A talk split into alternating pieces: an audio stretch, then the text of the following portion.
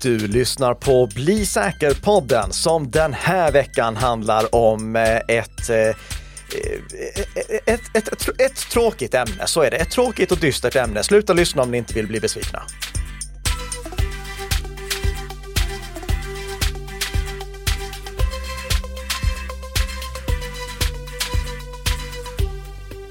Och jag som eh, kom tillbaka här eh, glad i hågen att vara tillbaka i studion efter att jag fått spela in hemifrån förra avsnittet.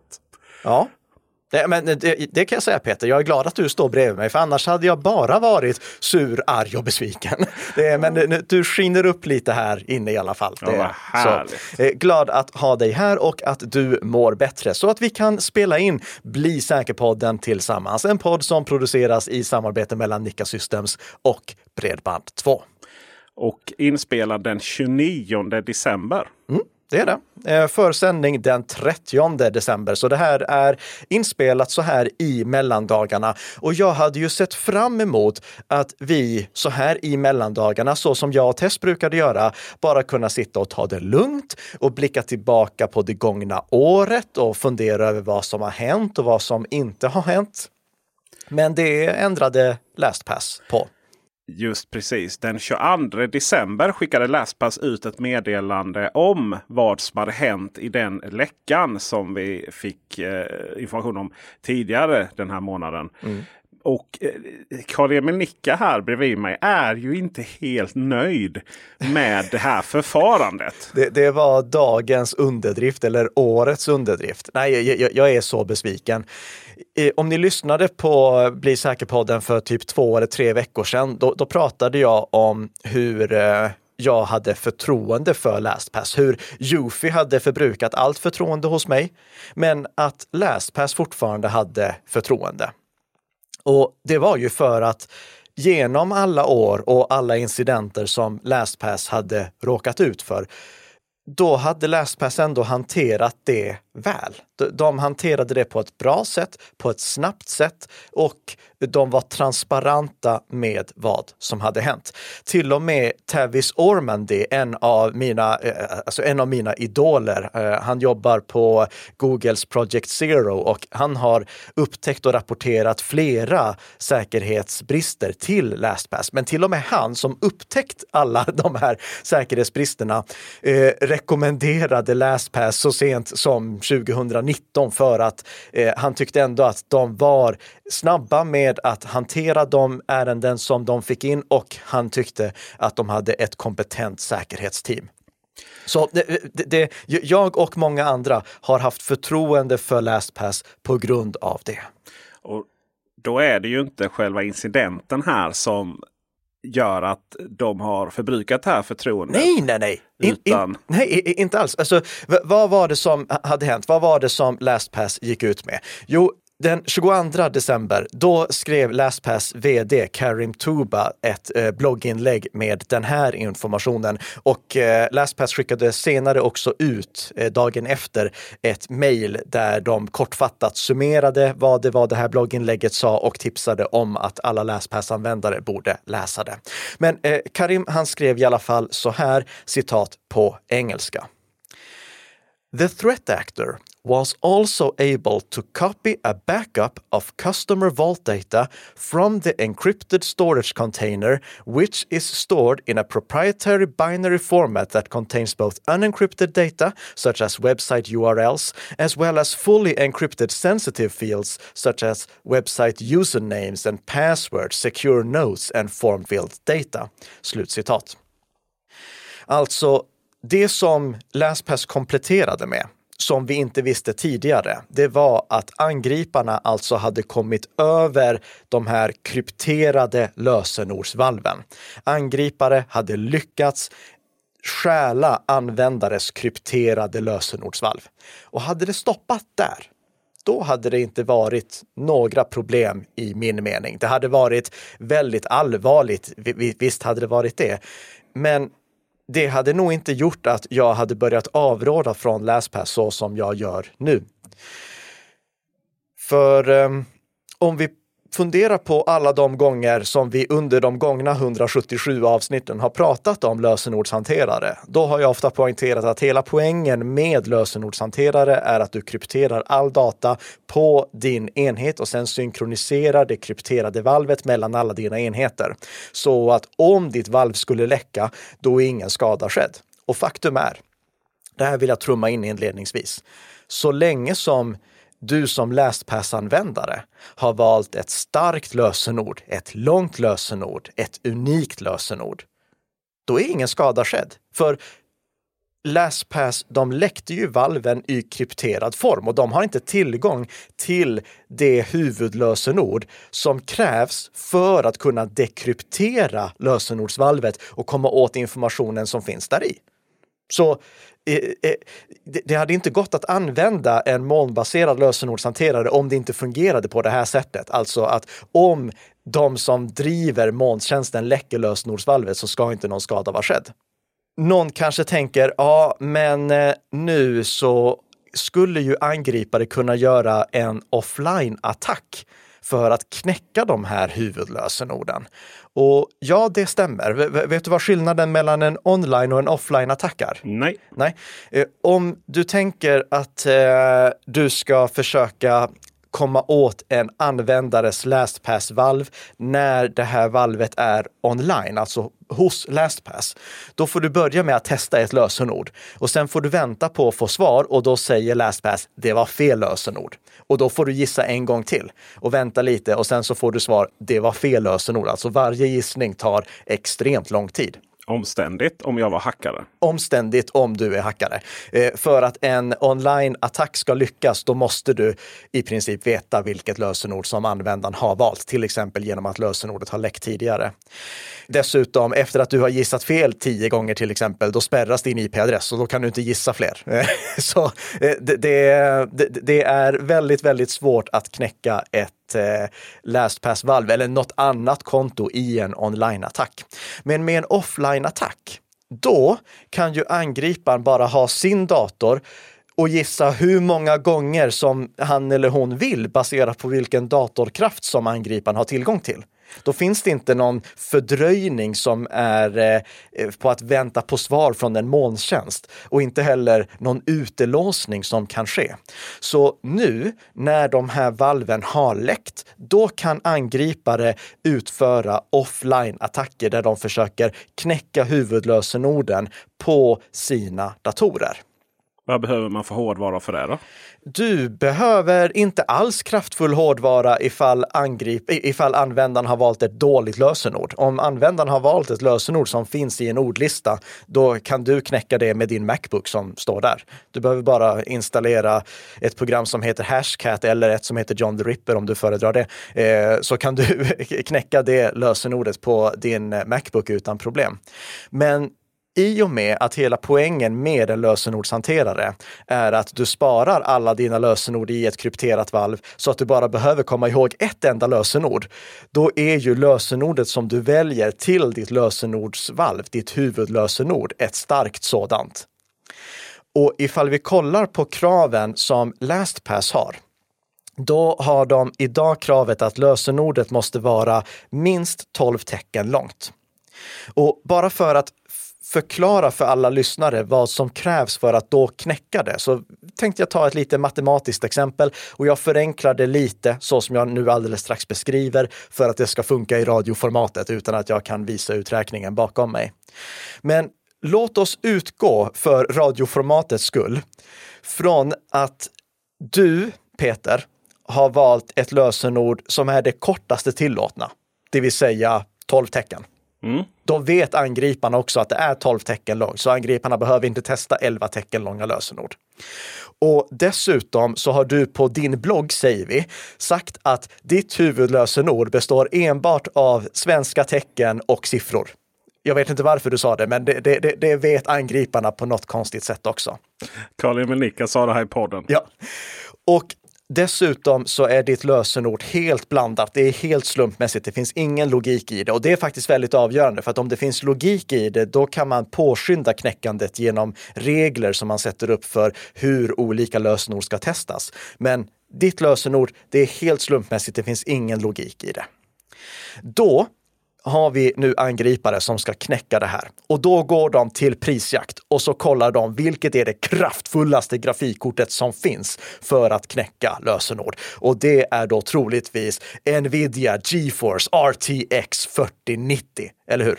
Det är det för närvarande, ja precis. Ja, för 25-26 000 kronor. Ja, det, där någonstans kostar det. Med ett sådant grafikkort kan angripare i en sån här offline-attack testa 90 000 lösenord per sekund. Hur lång tid tar det då att knäcka ditt lösenord i genomsnitt? Jo, tiden landar på 1,7 miljoner millennier. Och det här var alltså det kortaste lösenordet som är tillåtet. Så då behöver jag alltså två stycken om, om, ja, precis. 4090 då? Ja, köper du två stycken 4090 då halverar du tiden. Så då är det bara halva tiden av 1,7 miljoner millennier. Om du kör med modellen som jag har förespråkat, alltså att du använder fyra stycken slumpvis utvalda ord ur Svenska Akademins ordlista, då eh, kan angriparen, om angriparen vet att du har valt just ord ur Svenska Akademins ordlista och vet att du inte har valt att versalisera något av orden och inte blandat in siffror och inte valt andra ordformer än grundformen, utan angriparen vet att ja, men Peter Esse han har valt eh, ett, två, tre eller fyra stycken slumpvis utvalda ord ur Svenska Akademins ordlista och eh, eh bara grundformerna. Om angriparen vet det, då tar tiden att knäcka det här lösenordet i genomsnitt 44 miljoner år. Ja. Vad skulle det då kosta att knäcka Peter Esses lösenord? Eh, vi, vi, vi, säger, du har valt det här fyra stycken slumpvis utvalda ord eh, ur Svenska mm. Akademins ordlista. Okay. Och eh, det tar 44 miljoner år att knäcka med ett sånt här RTX 4090-kort för, vad sa du att det kostar på prisjakt? Ungefär 26 000. 26 000, cirka. Mm. Vi tänker oss då att vi kan investera ett helt år på att knäcka Peter Esses lösenord. Vi kan inte lägga hur lång tid som helst på det för att ju längre tid eh, vi väntar, desto mer inaktuella blir lösenorden. Så vi säger att vi har ett år på oss att knäcka Peter Esses lösenord. Med ett sånt här RTX 4090-kort, då tog det ju 44 miljoner år. Det vill säga, vi behöver 44 miljoner RTX 4090-kort för 26 000 kronor styck för att knäcka det på ett år. Behöver ju dessutom ett nätaggregat på de här på typ en kilowatt. Ja, så att, eh, eh, tur att ström, alltså per styck. ja, per eh, styck. Och tur att elen är billig nu i alla fall. Och när man väl då har gjort den här investeringen och knäckt allt det här så visar det sig att Peter Esse har inget eh, huvudlösenord till sin LastPass för att Peter Esse använder OnePassword istället. Ja, Um, och kom ihåg att du använder OnePassword, för jag vill säga en sak om dem också. Men i alla fall, varför håller jag på på det här sättet att rabbla upp massa siffror? Jo, det är för att vi människor, vi har väldigt svårt att greppa extremt stor, stora siffror. Eh, vi har svårt att greppa eh, sannolikheter också. Det, alltså, ifall vi människor hade varit bra på sannolikhetslära, då hade ingen spelat på Lotto. Alltså, eh, eh hela gamblingbranschen hade dött ut direkt. Så det, är därför som jag vill ta de här absurda exemplen på hur lång tid det tar att knäcka de här lösenorden för att förklara hur pass väl skyddade de är. Men allt det här är under förutsättning att du har ett starkt lösenord. För att om ditt lösenord är svagt, då går det att knäcka mycket, mycket snabbare. Om du har eh, använt samma lösenord på flera ställen och det huvudlösenordet läckte i någon annan lösenordsläcka där det kanske inte var lika väl skyddat, då går det ju snabbt för angripare att knäcka det. Och sen måste vi komma ihåg att det är verkligen nu en förhöjd risk för social engineering-attacker, nätfiskattacker, phishing-attacker. Alltså att angripare till exempel skickar ut ett mejl där det står LastPass har precis varit med om en dataläcka. För att skydda ditt lösenordsvalv måste du nu eh, uppgradera valvet, klicka på den här länken och skriv in ditt huvudlösenord. För, för i och med att det är omöjligt att knäcka starka huvudlösenord så måste de försöka lura ur användarna lösenordet. Angriparna måste försöka lura användarna att avslöja sina lösenord. Men det är väl där den faktiska säkerhetsrisken ligger egentligen enbart i den Ja, nu är det där som den faktiska säkerhetsrisken ligger. Ja. Och om du skulle ha valt ett svagt huvudlösenord eller återanvänt ett huvudlösenord eller misstänker att du kan ha råkat läcka ditt huvudlösenord i en nätfiskeattack då måste du byta alla lösenord som finns i LastPass-valvet. Gör inte det. Om man knäcker ett lösenord eh, med de här, man köper de här miljoner och åter miljoner eh, 4090. Eh, är man klar då? Eller får man gå vidare till nästa person bara? Ja, ja, ja, så du tänker om angriparna knäcker ett huvudlösenord, kan de då liksom komma åt allas valv. Ja, nej, nej, nej, nej. Det här är alltså per användare. Eh, så de måste lägga den här mängden tid eller pengar på att knäcka en användares huvudlösenord för att komma åt den användarens lösenordsvalv. Sen måste de lägga lika mycket tid eller mer eller mindre beroende på hur pass komplext lösenordet är. Eh, förlåt, hur pass starkt lösenordet är på nästa användares eh, lösenordsvalv tvåstegsverifiering, har det någon korrelation i detta? Uh, nej, den frågan har jag faktiskt fått från flera läsare av Bli säker-bloggen, så jag skrev en, en liten uh, artikel om det. Men nej, det... Eh, alltså, Ska ni aktivera tvåfaktorsautentisering på era konton? Ja, det, det, är inte uppe för diskussion. Ja, det, det ska ni göra. Men i det här fallet så skyddar inte faktumet att ni hade aktiverat tvåfaktorsautentisering på era LastPass-konton någonting mer. För själva valvet, lösenordsvalvet, det krypteras enbart med huvudlösenordet. Så där är det bara hur pass starkt huvudlösenordet är som är avgörande för hur pass lång tid det tar för en angripare att komma in i lösenordsvalvet. Här måste vi hålla isär autentisering och kryptering. Autentisering, det är när du ska försöka logga in på LastPass-kontot. Eh, det är då som du kan bli efterfrågad att både ange ditt huvudlösenord och en engångskod som genereras av en app i din mobil eller att du ska koppla in din säkerhetsnyckel, till exempel din YubiKey i din dator. Det är för att autentisera dig till LastPass. För att när du har autentiserat dig, då vet LastPass att de kan lämna ut ditt krypterade lösenordsvalv till dig. Här är ju problemet att angriparna har kringgått hela autentiseringssteget. Eh, de kom åt backuper av användares lösenordsvalv. Så autentiseringssteget, det finns inte längre. Det, det var ett av skyddslagren. Det var det som gjorde online-attacker svåra att utföra. Men nu har angriparna redan lösenordsvalven och då spelar autentiseringen ingen roll. Och det gäller även om ni använder Bitwarden eller eh, eh One Password. Det är Bitwarden och One Password, det är samma sak där bara för att du aktiverar tvåfaktorsautentisering betyder det inte att ditt lösenordsvalv blir säkrare, utan det blir bara åtkomsten till ditt lösenordsvalv som stärks upp. Det, det finns ett undantag för lösenordshanteraren som heter KeyPass XC. För att KeyPass XC, som är en sån här lokal lösenordshanterare, den använder eller den ger användaren möjlighet att använda en YubiKey eller en separat textfil för att stärka krypteringen av valvet. Det kan ni läsa mer om i den artikeln som jag skrev ifall ni vill veta mer om det. Eh, det är ingen lösning som jag förespråkar för att eh, YubiKey slutade utveckla den principen 2006 2016, ja, det, det, står till och med här i mina show notes. Eh, 2016 slutade de utveckla det. Så det, det, är ingenting som vi pratar om nu. Det, det funkar fortfarande, förutom med de senaste YubiKey-nycklarna som har biometrisk autentisering. Så det går att använda, men det är ingenting som vi pratar om här. I och med den här läckan så var det ju vissa som fick vatten på sin kvarn i att vi inte bör använda lösenordshanterare som synkroniserar den här informationen i molnet. Mm. Och det är mer och mer nu efteråt. Tycker jag. Jag har sett väldigt mycket kommentarer i olika Facebookgrupper. Ja, det, det har jag också sett.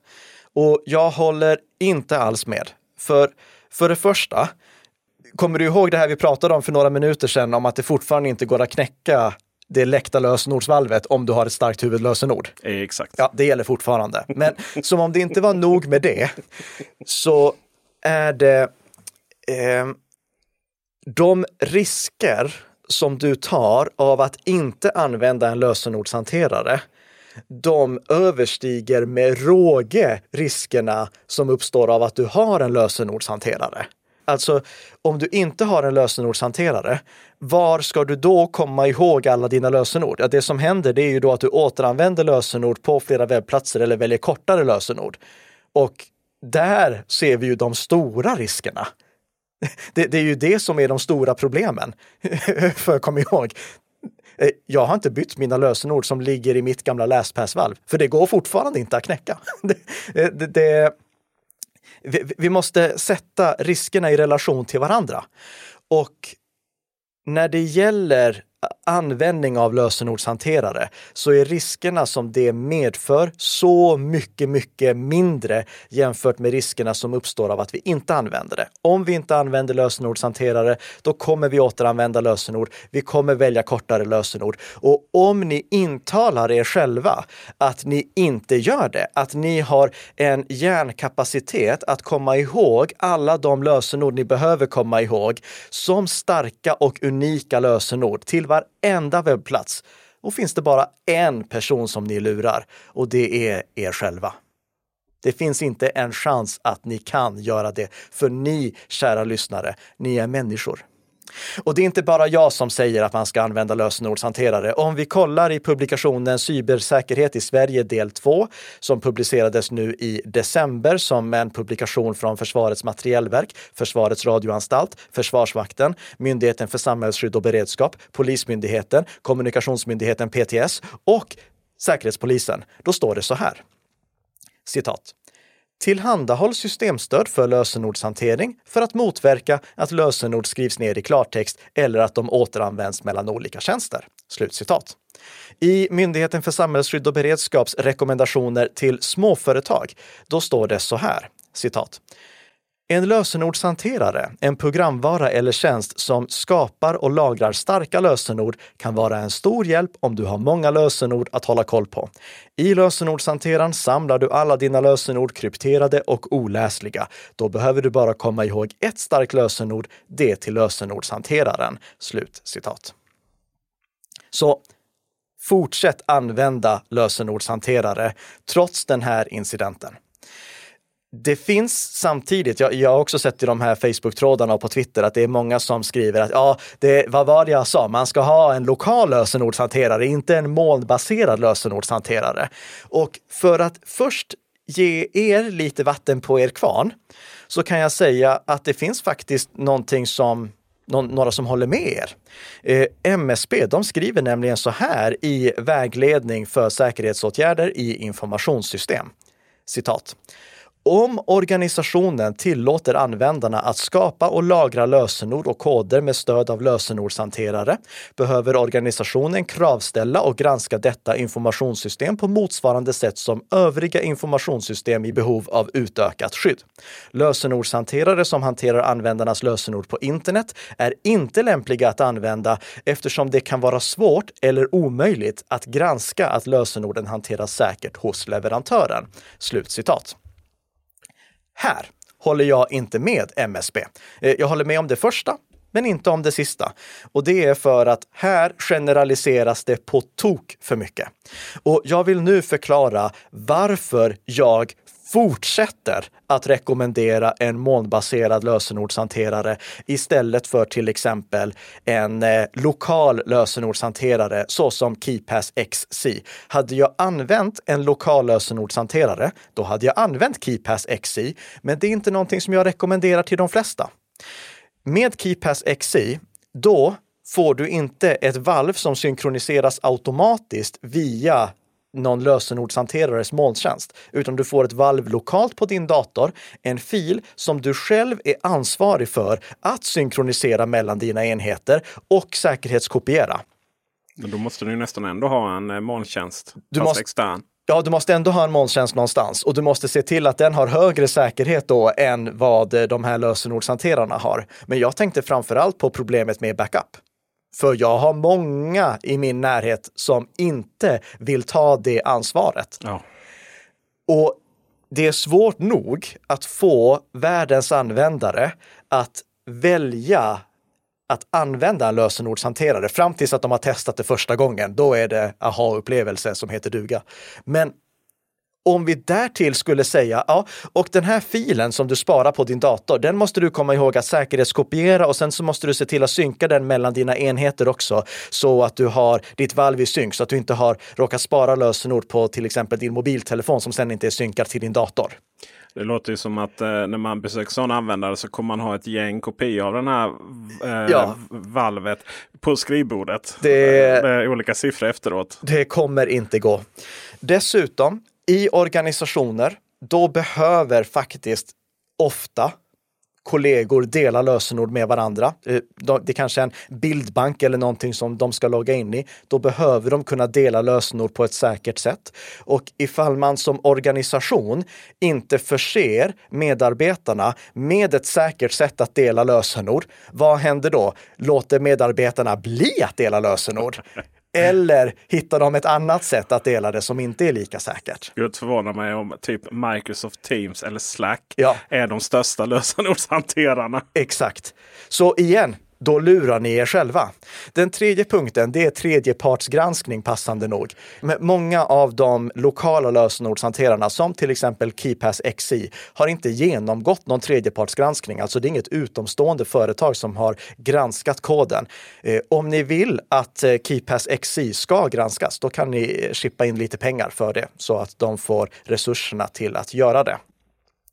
Sen har vi punkten som jag vill verkligen rikta till MSB för att bemöta det här med att man inte ska använda internet. Ja, du måste definitivt säkerställa att molntjänsten har rätt förutsättningar och rätt rutiner för att kunna hantera de här lösenorden på ett säkert sätt. Framförallt se till att de här valven krypteras innan de laddas upp till molntjänsten. Så att om molntjänsten skulle läcka dem så ska inte någon skada vara skedd.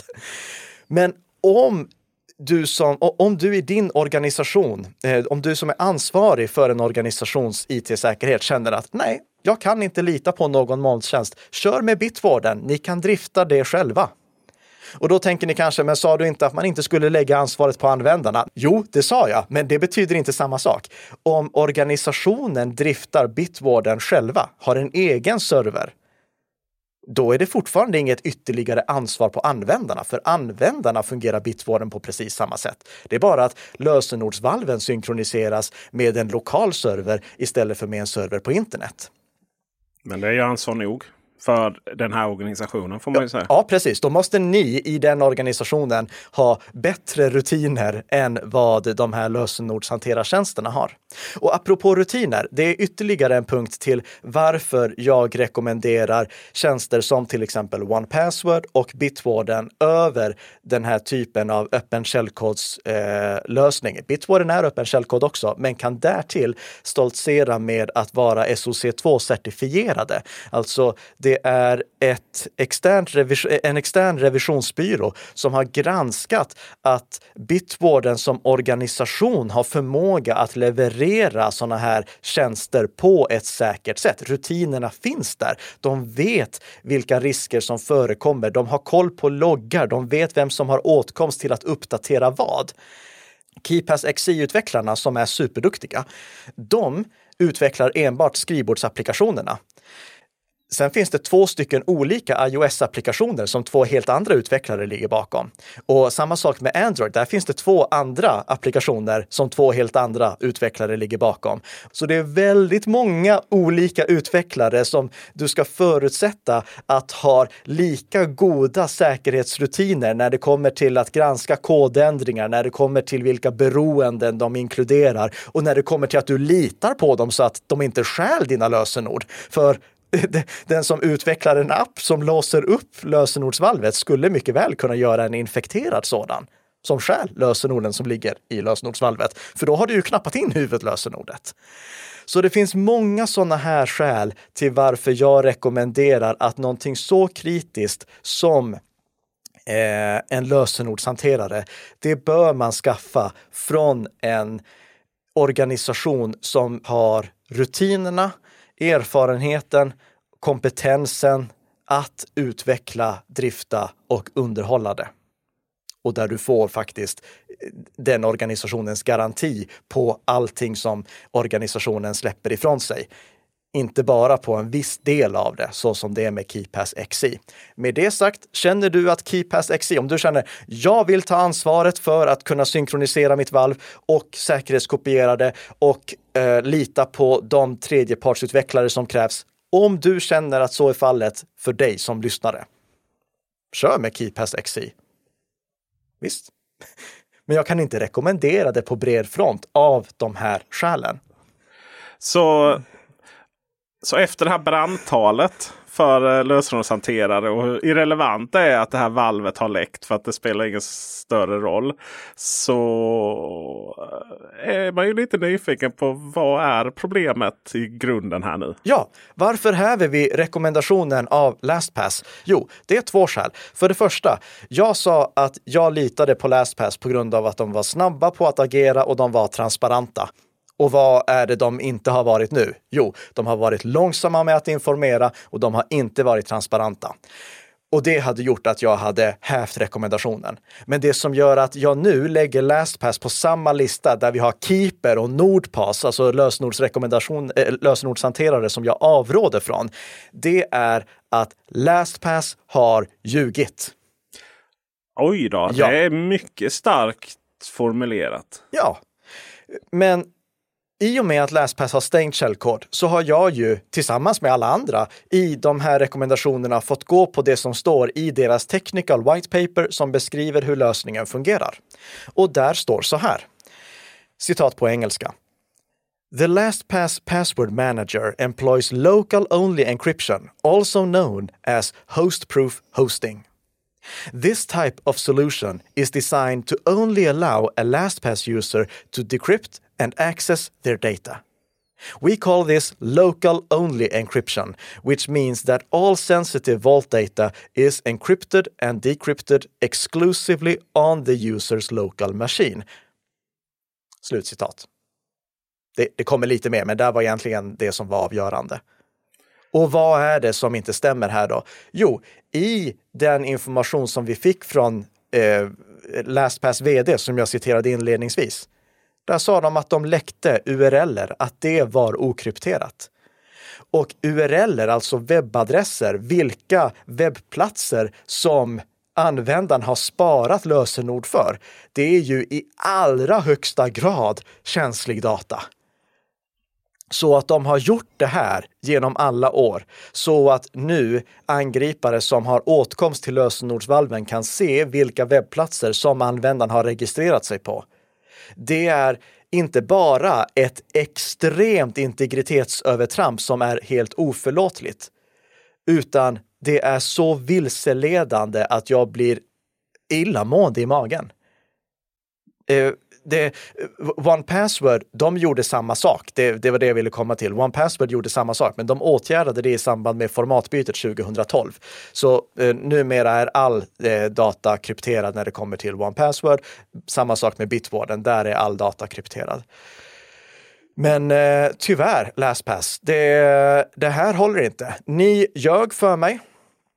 Och dessutom så gjorde ni Alltså, när en organisation vill skicka ut ett pressmeddelande om någonting som inte ska skrivas om, då skickar de ju ut det på fredags eftermiddagen. Ja. Och det, att skicka ut den här informationen den 22 december när alla har börjat gå på julledighet, det, det, det är oseriöst LastPass eller LogMeIn som nu har köpt LastPass. LogMeIn, det är, ni ska minsann ha veckans känga också. Så eh, tyvärr, eh, LastPass, ni hade mitt förtroende. Jag stod bakom er i ur och skur.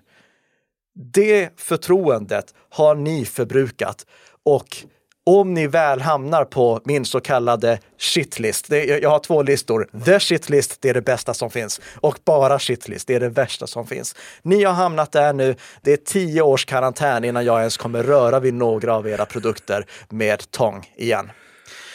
Vilka produkter ska vi röra då? Eh, det är One Password och Bitwarden. Du förstörde min snygga övergång där. Det, eh, alltså det, Peter, jag hade ju tänkt, men tio år behöver ni inte vänta på att få ett nytt avsnitt av Bli säker-podden. ja, det, den hade suttit fint där. Men hör du, kära lyssnare, vi är tillbaka nästa vecka igen. Ha ett eh, riktigt gott nytt år nu, så ses vi på andra sidan årsskiftet. Har ni några frågor om det vi har gått igenom i veckans avsnitt så är kommentarsfältet öppet som vanligt. Tack så mycket för att ni har lyssnat och gott nytt år. Gott nytt år.